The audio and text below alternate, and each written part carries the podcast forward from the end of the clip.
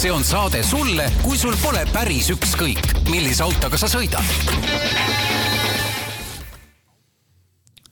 tere kuulajad, Autotund on taas eetris, üllatavalt kiiresti seekord, stuudios jällegi Tarmo Tähepõld, Martin Mets Geenius uudisteportaalist. Ja vaatame üle, mis meil on nädala jooksul silma jäänud, mis uudised, mis sündmused. Ja alustaks siis sellest, noh, esiteks, muuseas, täna, kui me saadet lindistame, on esimene märts, nii et kui sul seisab kuskil hobiauto, millel on all suverehvid siis ma kindlasti ei soovita sul sellega sõitma minna. aga kui on näiteks teed puhtad, siis juba näiteks võib ühest remondikohast teise hakata neid liigutama, et hooajaks valmistuda. noh, lihtsalt see oli meeldetuletus äh, positiivne, et suvi ei ole enam kaugel. aga jah, ärge palun praegult suverehvidega sõitke. aga teine, mis sellega mulle meenus äh,, uudis absoluutselt mitte kellelegi, küll aga noh, eile, eile tuli see mulle nagu eriti valusalt jälle, täna hommikul ka muuseas, vastu hambaid, et noh, ma saan aru, et meil siin Põhjamaa kliimas ei ole võimalik selline asi, nagu ma olen märganud mitmetel oma siin viimastes saadetes kajastatud välisreisidel, kus meil antakse hommikul auto, sõidad, sõidad seal küla vahel, sõidad äh, maanteel, sõidad igal pool, jõuad õhtuks ükskõik kuhu sa pead jõudma ja põhimõtteliselt auto on jätkuvalt täiesti puhas. ja mitte keegi ei käi seda meil niimoodi, noh nagu meil ei sõida mingi pesuauto iga kilomeetri tagant, ei nühi üle. Läi-, noh isegi tõmbad näpuga üle, isegi must auto, isegi tolmune ei ole. jah, noh ma räägin muidugi ilmselt mingit Lõuna-Euroopa reisidest, kuigi kui ma käisin talvel äh, selle äh, Toyota RAV4-ga Rootsis ka seal äh, Luuleja kandis me tegime päevase tripi, me jõudsime õhtuks äh, ööbimiskohta ja auto oli puhas. minul oli auto nüüd ühel päeval Tallinnas äh, parklas mm, selle seljaga tänava poole yeah. ja selle ühe päevaga, mis tal seal oli, oli selline sentimeetrine tolmu ja mustuse ja kõige kiht, mis väga naljakas, et ees ja külje peal pole mitte midagi yeah., taga on sisuliselt selline sentimeetrine kiht, see, mis oli tee pool selles mõttes tundub on- ikkagi päris see- see... mul on rohkem mure nagu isegi mitte auto pärast, vaid enda pärast, kui ma seal kõnnin rohkem. kõnnid ja sissehingad pluss riided, lihtsalt see, et ma nädalavahetusel vahelduseks veetsin äh, palju aega oma isikliku sõiduautoga, olin Lõuna-Eestis, olin, äh, mis see on siis, Lääne-Virumaal, ja jõudsin Tallinnasse ja siis oli mul noh, rattakoobastus korralik see, see jääklomp, selline, et äh, noh, saapaninaga natuke üritasid, täiesti kivi nagu tubli autoomanikuna, sest see ju osaliselt koosneb ikkagi nendest kloriididest, esmaspäeva hommikul esimese asjana läksin siis äh, käsipesulasse või survepesulasse, et noh, lasen need jääklombid lahti, sest et ma ei hakka neid ju peitliga sealt, eks ju, eemaldama. esiteks, jube kaua võttis aega, täitsa lõpp, kui kõvasti oli see kõik sinna kinni jäänud, aga ühesõnaga, kes on nendes survekates käinud, siis mul võttis see pesu aega kaksteist eurot Jazzi omas, mis on, mis on väga, mis on väga palju, sellepärast et tavaliselt noh, mul tava, kui ma seal kasutan, ütleme peaaegu kõik need funktsioonid läbi, mis seal saada on, välja arvatud harja, harjaga nühkimine, siis noh, kümme on ikka suhteliselt raske ära kasutada. seekord läks kaksteist, aga see oli jääeemaldus. olin siis seal Jazzi pesu juures, imen, mul punane auto, päike särab, jess, kolm kilomeetrit hiljem, kui ma tööle jõudsin, oli see auto kaetud sellise halli vastiku kihiga, sest kõigepealt tundus, et noh, kohale jõudsin, oli märg, sest teed olid natuke sellised äh, niisked.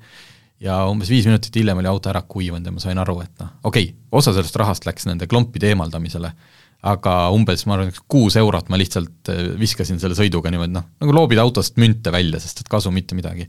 täna hommikul läksin äh, seda meie tuhande eurost Opelit pildi äh,, pesema tuli taas remondist. Äh,, läksin pesin ära, et teen siis seal Rocca al Mare parkla katusel müügipildid ka, ei no võima-, noh, selles mõttes, et äh, auto kuivas ära ja siis oli noh, põhimõtteliselt juba olid nagu rataste ümber, igal pool oli see niisugune noh, mingi ma, räägin mingist neljasajast meetrist sõidust ja juba see oli nagu vastikult hall. nii et äh, sellepärast kostnud autode müüjad väga ei tahagi, et neil autod kuskil õues oleks või kuskil sellega sõitmas käiksid veel, et see on nii ja. tüütu, vaata. et jah, et nüüd tuleb see, nüüd tuleb see vastik periood, üks niisugune noh, ma ei, isegi ei oska öelda, kaua see kestab, olenevalt muidugi, kuidas lund juurde sajab, aga noh, kuu-kaks, et äh, sa võid seda autot pesta, aga see on sul rohkem nagu selline korraks ja mingit kasu sellest ei ole. Ja kui päris aus olla, ega mul ei ole ka siin lahendust, ilmselt tuleks Hispaaniasse kolida. sest et noh, me võime ära keelata naastrehvid, me võime ära keelata soolatamise, aga siis, siis ma ei julgeks isegi enam Tallinnas sõita, nii et see meie kliima, kliima traagiline osa on see. Mina käisin aga Tallinnas sõitmas ühes väga huvitavas kohas täna hommikul äh, ja, ja sõitsin üle Tondi ülesõidu, et selline tore koht Tallinnas. ma sõidan iga nädal sealt kaks korda, ma viin last keeltekooli sinna. aga, aga see on selline huvitav koht, sest seal rongid ju sõidavad väga sageli, väga sageli on see kinni, peale selle see on selline mägi, äh, küngas, aga mis seekord tegi selle asja eriti huvitavaks, on see, et jah, just rong tuli, minu ees oli mopeedauto, muidu seal olid racing, racing kirjad olid peal. Äh, see ei vastanud tõele, sellepärast et sellel mopeedautol olid tõsiseid raskusi sellest künkast ülesõitmisega mu ees. Ja siis me lihtsalt niiviisi kolm kilomeetrit tunnis äh, niiviisi mm, roomasime üle selle, selle mopeedauto järele, et mind just üllatas, et tõesti, sina nüüd käisid sõitmas ju hiljuti mopeedautoga, et tõesti on siis kohe ikka nii vähe nagu ikkagi on, võimu. jaa, tal on ikka, tal on väga, esiteks on see võimsus noh, piiratud kõikide seadustega, aga aga Äh, see, ka see nullist siis, nullist neljakümne viieni ei ole tal mitte mingit minekut, et seal võiks ju olla, et nagu pläuh, et noh, saavutada oma nagu, et niisugune terav äh, säus jah, aga ei ole, et see, see variaatorkass, diiselmootor, see kõik, mul kõik, oli, kõik mul oli hirm, et see kukub mulle sülle ta tagasi, see, see mopeedauto. just, ja arvestades, mina sõitsin ju põhimõtteliselt tutika mopeedautoga. Versus siis need, mis meil mõned liikluses on, ma ei tea, noh, sa roolis ei saanud seda teha, sa oleks võinud huvi pärast ka selle mopeedauto registreerimismärgi sinna Maanteeameti sellesse sisestada, vaadata, kas tal ülevaatus on. jaa, jaa, aga äh, tegelikult see Tondi ülesõit, äh, see läheb ju nüüd äh, remonti või noh, see on võib-olla natukene veel vara öelda, sest kuulutati välja hange mm. -hmm. et tegelikult see, see ära remontida, mis on igati mõistlik, see on täiesti nagu ulme, et sellise liiklusega koht ja. veel, veel on selline ristmik seal ja noh, plaan on see muidugi maa alla viia ainus asi, mis ma ei saanud veel teada, et millal täpselt nüüd see plaan on äh, seda tegema hakata, aga, aga üht, üks asi on kirjas, et tead, kaua seda tehakse? no arvestades praeguselt Tallinna kõiki muid sõlmi, ma pakuks noh, huupi viis aastat. no sa oled natukene liiga pessimistlik, aga, aga õige vastus on äh, valmis peab see olema üheksateist kuu jooksul. et no, seega natuke alla kahe aasta pead sa lapsi viima keeltekooli mingit teist teed pidi ja tegelikult õnneks siin alternatiive on, aga Tondi kandis ei ole, ei no mis ma siin Tondi kandis, mul endal hakkab siin kesklinnas ju kohe trammitee ehitus ja üldiselt äh, kui me siin igast eksperimente teeme, siis võib juhtuda, et siin varsti ma juba vabatahtlikult nõuan eksperimenti, et äh, hakkan liikuma jalgsi või kastirattaga. Aga ühesõnaga enne, et enne ma muidugi ei usu, et kui see ülesõit nagu ikka päriselt remondis on, siis ma usun, et see juhtub, sellepärast et äh, seda väikest Tallinna ringi on ette valmistatud ka siin kolmkümmend aastat. ja mida, mis ka vai-, vaidlust, midagi seal vaidlustati aga, jälle. aga nüüd on see, et, et Tallinna linn ikkagi vaatab, kas seda ikka üldse on nagu vaja ja tegelikult ega autosid meil ei olegi ja polegi vaja seda asja, et üsnagi nagu kummaline on see ikkagi edasi-tagasi, et mingi asi, kui nagu panna paika ja ära teha, siis võiks selle ju nagu ära teha, et mitte kogu aeg ümber mõelda, et äkki on lihtsam ja odavam seda mitte teha seal on jah, see rumal asi, et siin tuleb äh, Tondi jaam on seal kohe kõrval, rongijaam, raudteepeatus ja siis äh, rong tuleb, selles mõttes, noh, rong läheneb jaamale, juba lähevad tõkkepuud kinni, siis see rong on seal jaamas, et sa noh, näed, eks ju, ja, ma saan aru, et seal see, ja seal ka ei saa teist, noh, seal ei saa niimoodi, et kuulge, et paneme puud ette siis, kui rong liikuma hakkab, et noh, see, see sellises kohas ei tööta. ja muidugi äh, sealsama, selles mõttes seal vähemalt on ruumi, et väga kena oli näha, kuidas äh, Äh, inimesed nägid, et äh, jah, see rong seal seisab ja see ei takistanud osade autode liikumist seal muidugi, samal ajal tõkkepuude vahelt Essina sõites, et äh, jah, et see selles mõttes on ikkagi kohutav koht. see on, see on eraldi teema, nagu hästi julge käitumine, selles mõttes, et noh, ma, ärme räägi raudteeohutusest, meil on siin ka üks lugu praegult töös, lihtsalt noh, mis mind ikkagi, võib-olla ma olen siis kuidagi loomupäraselt vaene kõiki selliseid vigureid, ütleme antud hetkel, kui ma oleksin seal esimene auto, ma näen, see rong tuli jaama, ta jäi seisma, mul on kiire, et ma nagu, ma, ma nagu julgeks rongi pärast sealt läbi lipsata. aga noh, selles mõttes meil on ju ikkagi piisavalt palju liikluspatrullautosid, mis üldse ei otsi mind taga, aga sellel hetkel ma olen seal keset mäge. ma olen nähtavalt kolmelt tänavalt ja ma lähen punase tule alt läbi, et see on noh, nagu niimoodi iseenda kohale suur hüüumärk, halloo, ma tahan Jaa, trahvi et- maksta, kui te tahate kuskile kaamerat panna, siis eh, jah, et te võiks selle kaamera sinna panna. sellega seoses tuli meelde ka muidugi see asi, mis Said trahvi? ei äh, aga minul ikkagi tekitab küsimust see, et eh, need, vot mõnes kohas on nüüd need kaamerad, mis ei tee üldse trahvi, aga mis näitavad sulle eh, sinu kiirust, on ju. ja see kaamera, need on see sinu ise distsiplineerivad Distsiplineeri- infotahvlid mm. -hmm. nutunägu ja naerunägu. käisin äh, ühel tuttaval külas, kelle maja ette see pandi. ei ole kihutamisega probleemi selles kohas olnud, aga maja ette pandi selline eh, mis näitab, et noh, et eh, naerunäo, kui sa sõidad eh, alla neljakümne, üle neljakümne, siis teeb sulle kurva näo. Varem ei olnud seal kihutamisega probleemi, aga nüüd inimesed tahavad vaadata, et kui kiiresti nad seal on võimelised sõitma, sest kaamera ju näitab ja mitte midagi ei juhtu. et eh, antud juhul ilmselgelt eh, tegi see kaamera selle koha eh, liiklusohtlikumaks. et ma ütlen, et sellised asjad on ka seal analüüsis sees, et selline, et, et kaardistatakse inimloomuse kõiki külgi, enne kui selline kaamera üles pannakse või lihtsalt mõeldakse, et küllap see teeb head ja distsiplineerib? Vot, palju filosoofilisi küsimusi. uudiseid, uudis ähm, näiteks, mis, miks ma, tore, selles mõttes on hea, et äh, avad, Circle K andis teada, et ta avab lähiajal viis uut elektriautode laadijat. Äh, Mäos, Pärnus ja Tartus. Et kastid on üleval ja tegelikult Mäo oma on juba minu arust päri-, sügisest saati on juba seal käinud elektriauto omanikud rõõmsalt tasuta laadimas kolmesaja kilovatise võimsusega laadijas, suur tänu Circle K-le, ma arvan, et seal on, neile on see päris palju maksma läinud, autojuhid on saanud, ka mina olen seal laadinud, ka mina olen sealt oma päris kümnete eurode jagu vist võtnud tasuta elektrit. Mäos, Pärnus, Tartus, teisipäeval juba, ehk siis avas, see oli veebruari viimasel päeval, ja enne suve on plaanis avada veel kaks ülikiiret laadijat Irus ja Tallinnas Sigupildis. ja me räägime ülikiiret puhul siis kolmesaja kilovatt-tunnist laadijast, Mäo masinal on kaks otsikut, kolmas on, kolmas on Chademo, kaks CCS-i, ilmselt siis teistel masinatel ka. Hea uudis, võtame positiivselt, küll aga ma siiski ei saa jätta välja toomata ühte lauset, kus on kirjas, et ülikiired laadijad võimaldavad vaid viie minutiga tagada elektrisõidukile ligi saja kilomeetri jagu energiavaru. no ideaaltingimustes, ma saan aru, jah? jah, jah, see lihtsalt, see on natukene seesama, nagu auto need tootjad ise reklaamivad, et noh, et meie autol on, ütleme, ma ei tea, saja viiekümne kilovatise võimekusega laadimine ja siis noh, ja siis vot nii mitme minutiga saad sa oma laku nii täis ja tegelikult sa seda numbrit näed üliharva.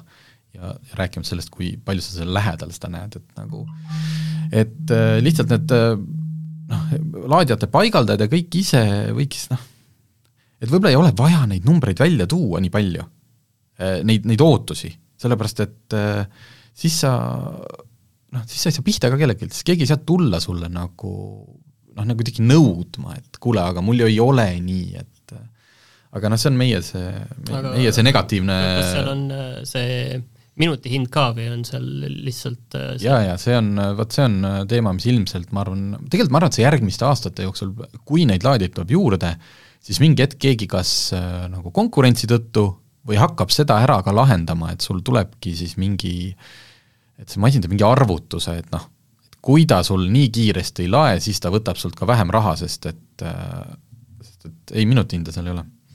vot, ei, aga selles mõttes positiivne, et äh, viis ülikiiret laadijat juures ja sellest on väga palju kasu. no kindlasti neid tuleb siin nüüd väga palju ka veel neile, et ilmselt see nagu niisama ei jää. jaa. headest uudistest veel, tegime väikse, nagu me aeg-ajalt teeme, sellise ülevaate, küsisime müüjatelt, mis seisud on, rääkisime siis kasutatud autode müüjatega ja umbes aasta tagasi oli seis noh, ikka kardinaalselt teine ja tegelikult eks siin ju noh, kõik, kes vähegi mingit turu, turu käitumise asju teavad, et see oligi selline, no ma ei tea, kuidas, kuidas aktsiaturul seda nimetatakse, noh mingi karu- või pulliturg, ühesõnaga kõik läheb, noh kõik läheb üles, nagu lihtsalt ostetakse kõike kokku. et et noh, kui palju siin on siis seos selle hirmuga, et asi läks veel kall-, et äkki lähevad veel kallimaks, uusi autosid saada ei olnud, kuskilt muudkui ju tilkusid iga, ma ei tea, poole aasta või nelja kuu tagant need pensionifondi rahad, kes siis ikkagi olid lõpuks jälle otsustanud välja võtta või noh, ikkagi. Et eelmine aasta tõusid aut-, kasutatud autode hinnad noh, ligi, ligi kaks, üle noh, paarkümmend protsenti. Ja isegi sellisel juhul äh, oli paljudel, kuidas öelda, et äh, autost oli isegi puudu. noh, see tühjus platsidel ei olnud, nagu nõukaajal, eks ju, kuskil poelettidel, aga populaarsemad autod ja, ja noh, et Saksastki oli see, et, et käidi, kuidagi käidi üksteise riikidest ostmas, et keegi, kõik tahtsid midagigi kätte saada. aga uute autode puhul on ju saadavus tegelikult ei ole nagu äh, oluliselt äh, lahenenud, et ma saan aru, ikkagi üsna pikad on ooteajad, ma just internetist lugesin head nalja, et äh, üks inimene pidi Ioniq viie saama septembris ja siis äh, sai, sai teate, et ta saab küll selle septembris, aga kaks tuhat kakskümmend neli, et et see on nagu ikkagi suhteliselt nagu jabur, on ju, et ja aga... ei, ongi, see ongi, see, seda on ka hästi raske mingit üldistust teha, et me nüüd saaksime öelda, et noh, et kiibikriis või mis iganes kriis on möödas ja uute autode saadavus on hea. Äh, see on paremaks läinud, sellepärast et äh, äh, on hakatud tegema jälle, noh, kuskil on mingid lao, laoautod saabunud. et see ei ole, et ilmselt kõige raskem ongi autoga, mida sa lähed tellima et vot, pange mulle selline värv, sellised istmed, see mootor ja siis sa pead ootama. Või siis, või siis on mingitest komponentidest puudust, nagu kui me siin sellest ID bussist rääkisime, siis noh, tal polnud õhk, seda soojuspumpa ja ei olnud ka kolmsada kuuskümmend kraadi kaamerat. Ja ma arvan, seal taga on lihtsalt see, et neid ei olnud võtta, aga see auto oli vaja välja saata tehasest. aga, aga kasutatud autode turul on siis kokkuvõte on selline, et hullud päevad on läbi. et äh, see on nüüd tegelikult, mina saan aru, maakeeles see nüüd kõik tähendab seda tegelikult, et kui jah, eelmine aasta oli see küsimus, et kas need hinnad tõusevad veel või nad hakkavad mingi hetk langema, siis praegu öeldakse, et hinnad on äh, stabiilsed, ehk lähiajal ei ole näha, et ei nad tõuseksid ega langeksid, et põhimõtteliselt, et et kui sa tahad osta, siis ei ole mõtet nagu tegelikult oodata, et lähiajal ei ole näha mingit muutust. teistpidi, sa ei pea ka nagu muretsema, ostuga kiirustama ja muretsema, et oi-oi, need hinnad ja, tõusevad, et ja. tegelikult on nagu aega rahulikult vaadata nii palju, kui ma nüüd seda hindade taset ise vaatasin, siis äh, ta on ikkagi pigem nagu ikkagi suhteliselt seal, kus nad eelmine aasta olid, võib-olla nõksa alla tulnud, aga, aga üldiselt noh, vana aja mõttes on nad ikkagi natukene sellised kõrgemapoolsed, aga ilmselt sealt nad jah, tõesti siis enam alla ei kuku noh jah, nagu meil siin kõigega, et ei ju öeldakse, et ega see kütuse hind kunagi enam meil üks koma kolm ei hakka olema, kui just siin keegi maksudega mängima ei hakka. ja noh, mida, mida, siis põhiliselt selle stabiilsuse all äh, mõeldakse, on see, või see hullude päevade, just nagu sa ütlesid, et, et sa saad ütlevad siin kasutatud autode müüjad, et sa saad mõelda.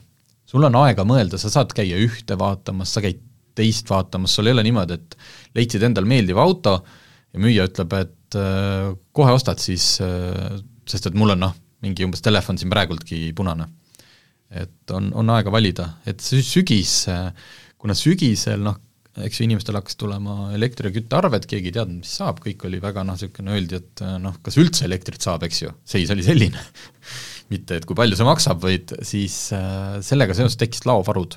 et siin Nord Auto, kes on suur müüja, ütles, et äh, kui eelmine kevad oli neil noh, kõvasti vaja vaeva näha, et neil oleks vähemalt umbes sada autot kogu aeg müügis, noh, siis hetkel on neil, ma saan aru, müügil, selle loo tegemise hetkel sada kuuskümmend seitse autot. et, äh, et äh, nii ta on, äh, ühesõnaga jah, kas nüüd tasub kohe ostma ei osta, et kui teil vaja on, siis muidugi, lihtsalt teate, et hetkel on äh, saavutatud stabiilsus. on aega mõelda. ei, jaa, on aega mõelda, ei pea paanitsema. ei üheski suunas, et noh, et, et ma nüüd ikkagi ootan, et kindlasti hinnad kohe tulevad kolinal alla või et äh, ma pean kohe kiiresti midagi ära ostma. nii, aga räägime siis äh, proovisõitudest, seekord neid tuli päris mitu. jaa, eelmises saates jäi ju õhku tegelikult see üks minu järjekordne välisreis, riik, mida ma polnud külastanud ja riik, mida ma ei ole oma elus kordagi näinud, oli Andorra see on siis äh, mäe otsas äh, paarkümmend ruutkilomeetrit või natuke rohkem? jah, seal oli, ei ta on ikka, mõtlesin ka nagu, sul jääb mulje nagu mingi väike riik, et noh, hakkad sealt nagu Vatikanist pihta, noh see on väike riik, eks ju, siis Monaco, aga tegelikult seal ikkagi olime Andorras ja siis silt näitas, et pealinna on kolmkümmend kaks kilomeetrit, eks ju, kuskilt ühest mingist X punktist, et seega, et ta nüüd päris linnriik ei ole, asub siis seal ähm, Prantsusmaa lõuna, täitsa lõuna otsas, aga Prantsusmaa ja Kataloonia vahel siis? jah, et äh, ühesõnaga nii lähedal, et me ööb-, et me maandusime Prantsusmaal, siis me sõitsime autodega üle piiri Hispaaniasse, sest ma arvan, et seal oli lihtsalt odavam äh, ööbimine, ja siis sealt hommikul tagasi üle piiri Prantsusmaale ja üles Andorrasse. ja sõidu mõte oli siis äh, proovida Nissani, Nissan X-Traili ja Nissan Aria seda nelikveosüsteemi, mida nad nimetavad äh, ebamugava nimega E-Force, ainult et see force on nagu number neli ja siis on mm. ortse, noh et for force, et no sellega sai palju nalja, et kuidas seda siiski hääldada. ja mis seal siis on erinevad, noh mis tegelikult noh, elektriautode mõistes äh, on, on pigem juba tavaline, aga kuna X-Trail Äh, see suur maastur neil on ju äh, bensiinimootoriga elektriauto. mis tähendab seda, et bensiinimootor toodab ainult elektrit, ta ei ole ratastega ühendatud. rattad, kogu see veoskeem on täiselektriline. see tähendab seda, et sul ei ole enam vaja sinna vahele mingeid, äh, mingeid vahekaste ja sellist, mis seda jõudu nagu ette ja taha jaotavad füüsiliselt, vaid tegemist on puhtalt tarkvaralahendusega. nagu Nissan ise ütleb, et äh, seal siis presentatsioonil, et otsus või see, või see tegu toimub kümme tuhat korda kiiremini, kui see oleks tavalisel nelikveol. lähtume, et siis tavalisel nende nelik mm., nelikveolistel bensiiniautodel. no raske mõõta, et ma ei noh, et kuidas seda, kuidas ma seda, kas on kümme tuhat või on viis tuhat korda kiiremini, aga põhimõtteliselt peaks olema jah, et et kujuta ette siis libeduse olukorda, ükskõik, kas sa oled kurvis, kas sa üritad kuskilt ennast välja kraapida, kuskilt mäest üles minna, siis äh, kõik rattad nagu suudavad noh, selles mõttes nagu seal on, eks ju, diferentsia-, noh, et auto tarkvara suudab panna iga ratta ükskõik mis hetkel niimoodi, et niipea, kui kuskilt see äh, pidamine ära läheb, siis lähevad siit nullid, nullid, ühed, nullid, ühed, nullid, ühed lähevad teele ja, ja see ratas hakkab vedama ja siis hakkab teist ratast pidurdama. ja selleks äh, viidi meid siis Euroopa, ei mis Euroopa, see pidi olema maailma kõige kõrgemal asuv äh, tegutsev nagu ringrada. noh, ringrada on selles mõttes nagu palju öeldud, et ega ta nüüd mingi ütleme noh, vormelietappi niipea seal keegi tegema ei hakka, et pigem selline noh, natuke nagu Tabasalu kardiraja mõõtu siiski ringrada, seal olid äh, pitlane oli, boksid olid, äh, ütleme, äh, erinevad abihooned ja see kõik muidugi, kuna see asus mäe otsas, kõrval olid niisugused suusamäed, istusid, vaatasid seal, kuidas inimesed suusatavad, ma pole, muuseas, ma pole kunagi käinud sellisel nagu suusareisil kuskil Alpides. ma olen käinud, ma olen käinud Põhja-Soomes kunagi, kui ma olin äkki üheksandas klassis. aga see on ka kõik, siis vaatasid, noh, tundus vägev küll aga ma olen pigem soojamaa inimene. ja see tähendas seda, et see rada seal siis oli põhimõtteliselt, ma ei tea, kas meie jaoks või ta oligi noh, loomupärast sisuliselt jää. mille peal mingi õrn lumekirme, aga sisuliselt kiilas jää. ja mõlemal autol olid all Nokian Hakkapeliita kümme naastrehvid juba kümneni on jõutud jah ja.? kas seal midagi jäeti vahelt ära või ei jäetud? ikka üheksa. mina seitset ja kaheksat viimasena mäletan. aa, okei okay,, üheksa on seal vahel, okei okay.. seal ikkagi mitu aastat kestab okay. üks, et ta iga aasta ja. uus ei tule.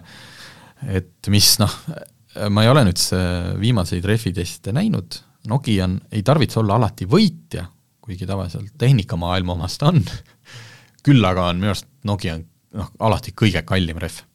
nii kui sa hakkad, hakkad nagu seda talverehvi otsima, vaatad seal äh, Continental, Michelin ma, olen ostnud isegi, ei, on, on, on olnud äh, ei, sa pole äkki võtnud seda HKP-liit, et neil Nokial on ka erinevaid ma, mudeleid? ma olen võtnud just seda, seda okay., aga, aga jah, võib-olla see, kui ma viimati ostsin, oli võib-olla number kuus või seitse, seitse äkki. ühesõnaga, naastrehvid, millega võib ju ainult sõita seal sel ringrajal, sellepärast et äh, sealkandis naastrehv ei ole lubatud. ja pandi meid siis seal sõitma võib-olla rohkem selle nelikveo headust näitas seal kõrval olev treeningplats, kus sai teha sellist slaalomiharjutust, mäkketõusu, äkkpidurdusi, kõike seda, kiirendust.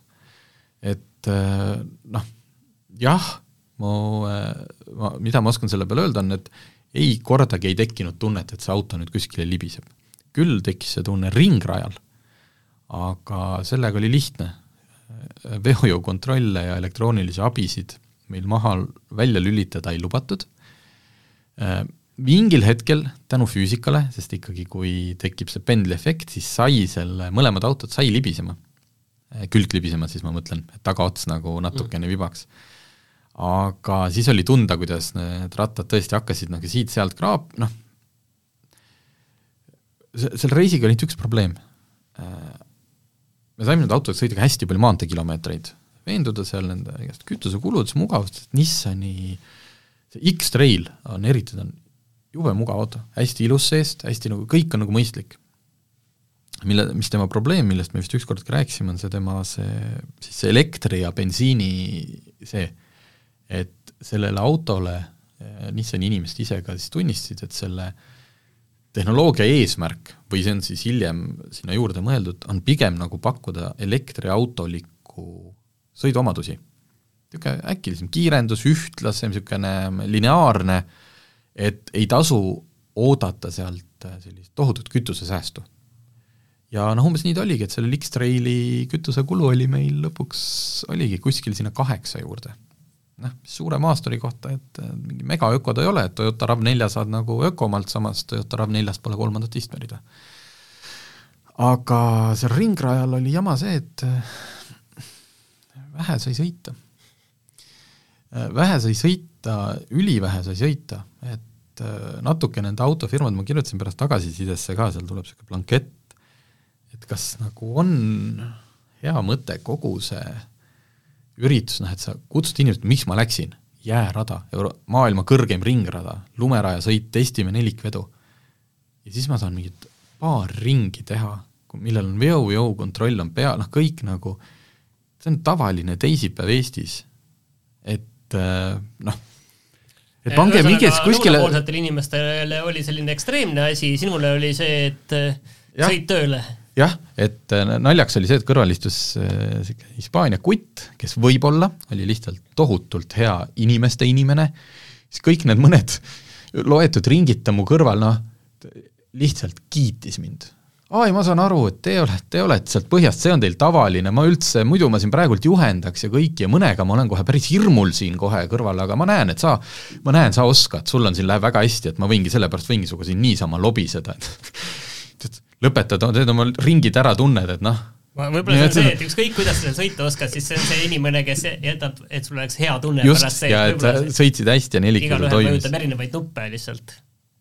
Et jah, et see oli üks nendest äh, autoreisidest, mis kindlasti jäi meelde, seal äh, Nissani nelikvedu, ma siis ütlen siis äh, niimoodi, et ei vedanud kordagi alt, mul ei tekkinud tunnet, et kuulge poisid, see asi küll ju ei tööta, aga äh, päris sellisesse Eestis äh, piirolukorda ja ma ei mõtle kuskil nagu noh, öösiti metsa vahel nagu rallimas käimist, vaid sellist, kus ma olengi nagu kuskil lumehanges, ma olen natukene mingi noh, vaja mingis kurvis hakkab midagi ära käest minema, et päris sellist nagu olukorda meil testida ei lastud.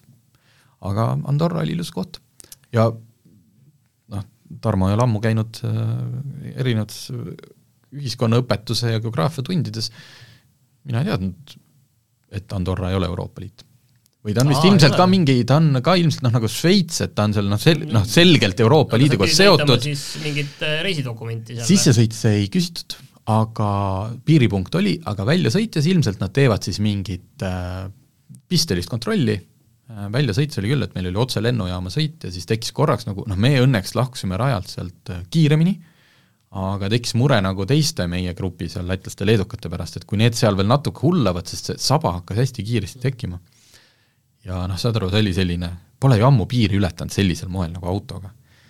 tuleb see politseinik, võtab seda, kõik käis nii hillitsetult, nii aeglaselt, vaatab autosse, vaikib, noh juht ulatab dokument, autodokumendid, politseinik seisab küsisime, noh, et meil olid ka käes, tulevad need ka, ta ütles yes, all. ja siis kuidas ta sellisel nagu lohva, lohva, lohva läheb sinna oma kabiini ja sa peeglist näed, kuidas taga see noh, rodu tekib sinna, et ega ühiku eest meile ei maksta, meile makstakse ikkagi tundide eest. jah, et, et oli päris uudne kogemus, et äh, niimoodi. Sai, sai piiril olla. aga jaa, kihvt reis Andorra ja kõik see kant on muidugi väga ilus, soovitan kindlasti minna, väga ja noh, mis, miks mul seal Prantsusmaal veel meeldib käia, on see, et sõidan neid külade vahel ja siis kõik need kohalikud autotöökojad või väiksed mingid müügiplatsid, noh, sa näed seal autosid, mida Eestis noh, millega sõidavad mingid paduentusiastid, niisugune Renault neli, Renault kuus, noh, võib-olla need osad ongi seal mingid juba noh, roostetama jäetudki, aga sul tekib niisugune romantiline tunne, vot siin tek-, siin sõidavad kõik nende vanade Prantsuse autodega. nii, aga meil oli ka teine test ja siis nüüd juba päris maasturid, selles mõttes nagu päriselt saime proovile panna, võtsime ette Eesti põhimõtteliselt kolm väga odavat, aga noh, et siis paberil või peaks olema nagu väga võimekat maastu-, maasturit. Dacia Duster loomulikult, Suzuki Vitara ja Subaru XV. minu jaoks ausalt öeldes oli üllatusena, et see XV alla kolmekümne tuhande on. jaa, see on muuseas ühe koma kuue liitrise mootoriga, sellest on ka kaheliitrine versioon, mille tipp on siis kolmkümmend viis tuhat.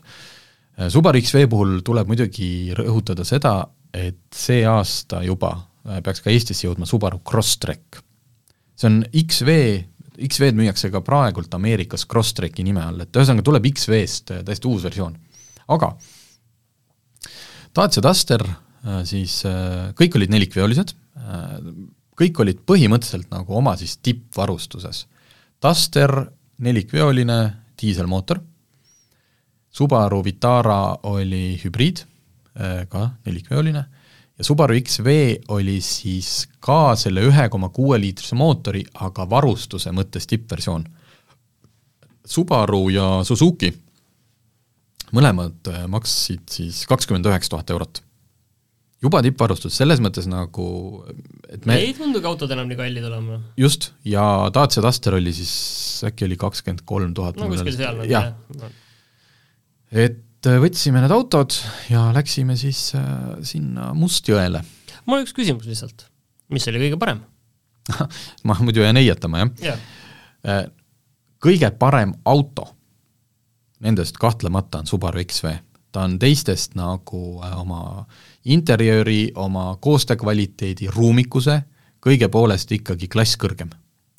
ainuke, miks, miks Subaru XV ei võitnud, on see, et nagu peaaegu kõikidel Subarutel see mootor ja see käigukast, tähendab seda, et see auto maantees, või no ühesõnaga, meie testi, mis sisaldas ka siis seal mägedes ronimist, lõpuks oli tema kütusekulu üheksa koma viis ja selle eest sa ei saa mingit sport-Subarut, noh, see ei ole mingi VRX STi, see on nagu hästi üliaeglane auto.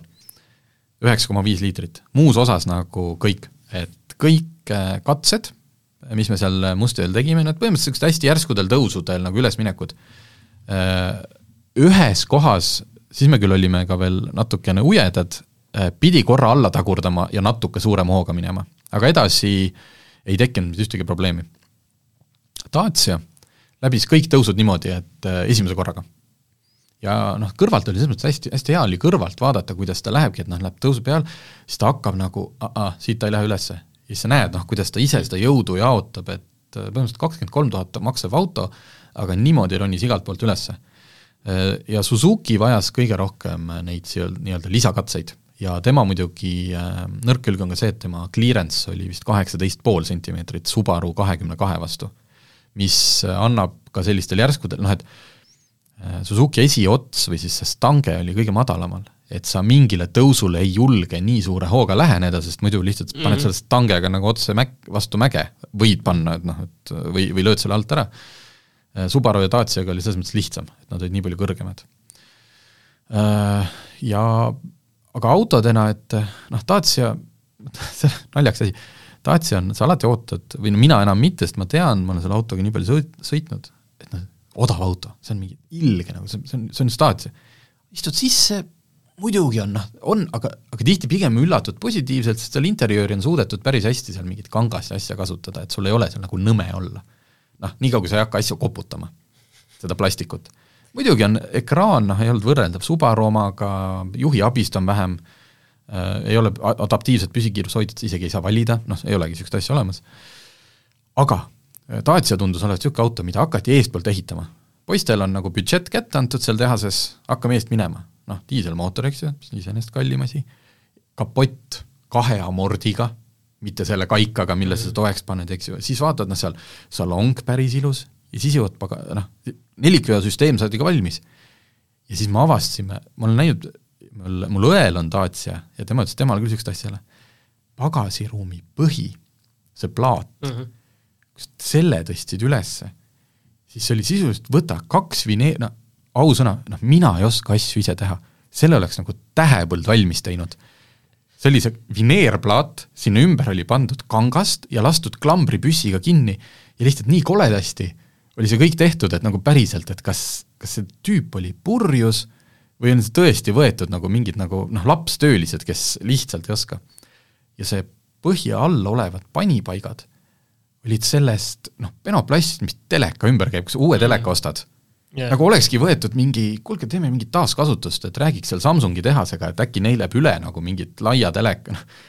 mis tähendab seda, et noh, juba oli seal proovisid autol, et noh, vaata tead ju, sealt tuleb ju tükke yeah, nii kergelt, sealt juba oli tükke küljest ära tulnud. nagu täitsa lõpp, et noh, täpselt selle auto viimase neljandiku peal oli poistel eelarve täiesti otsas, sest kõik oli ettepoole ära kulutatud.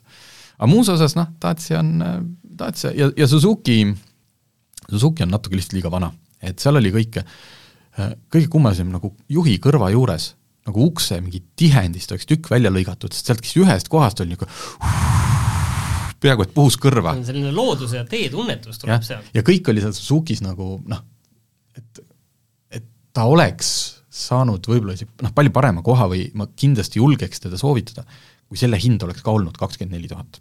näiteks Dacia, noh et sa, ta on natukene rohkem autolik ja kõik, aga kuna ta maksis Subaruga võrdse hinna, äh, tema kütusekulu äh, siis meie testi keskmine oli seitse koma null, ehk siis kaks pool liitrit vähem kui Subarul.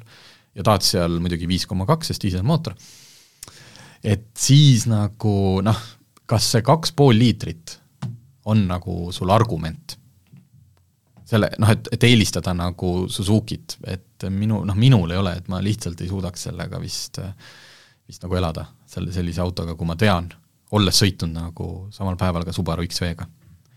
vot, eh, ja, ja kokkuvõtteks võib öelda, et eh, sellises hinnaklassis päris maastur tegelikult nagu noh, inimesele, kellel ongi, räägime siis sellest müstilisest maainimesest kellel on kogu aeg on kodutee ots umbes või ilge muda ja kuskilt välja pealt on vaja mingi ma ei tea, järjekordne asi ära tuua.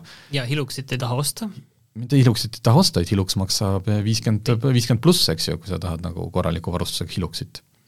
Et siis nende autode võimekus on hämmastavalt hea. Kui sa ise julged seda kasutada ja oled valmis võib-olla siis tõesti mõne stange või asja noh, mingi hetk jälle välja vahetama, sest liiga suure hooga põrutasid, siis nelikveosüsteemid ja asjad äh, väga kihvtid. et äh, oli tore päev metsas, võib öelda vot, aga selline sai tänane saade ja suur tänu kuulamast!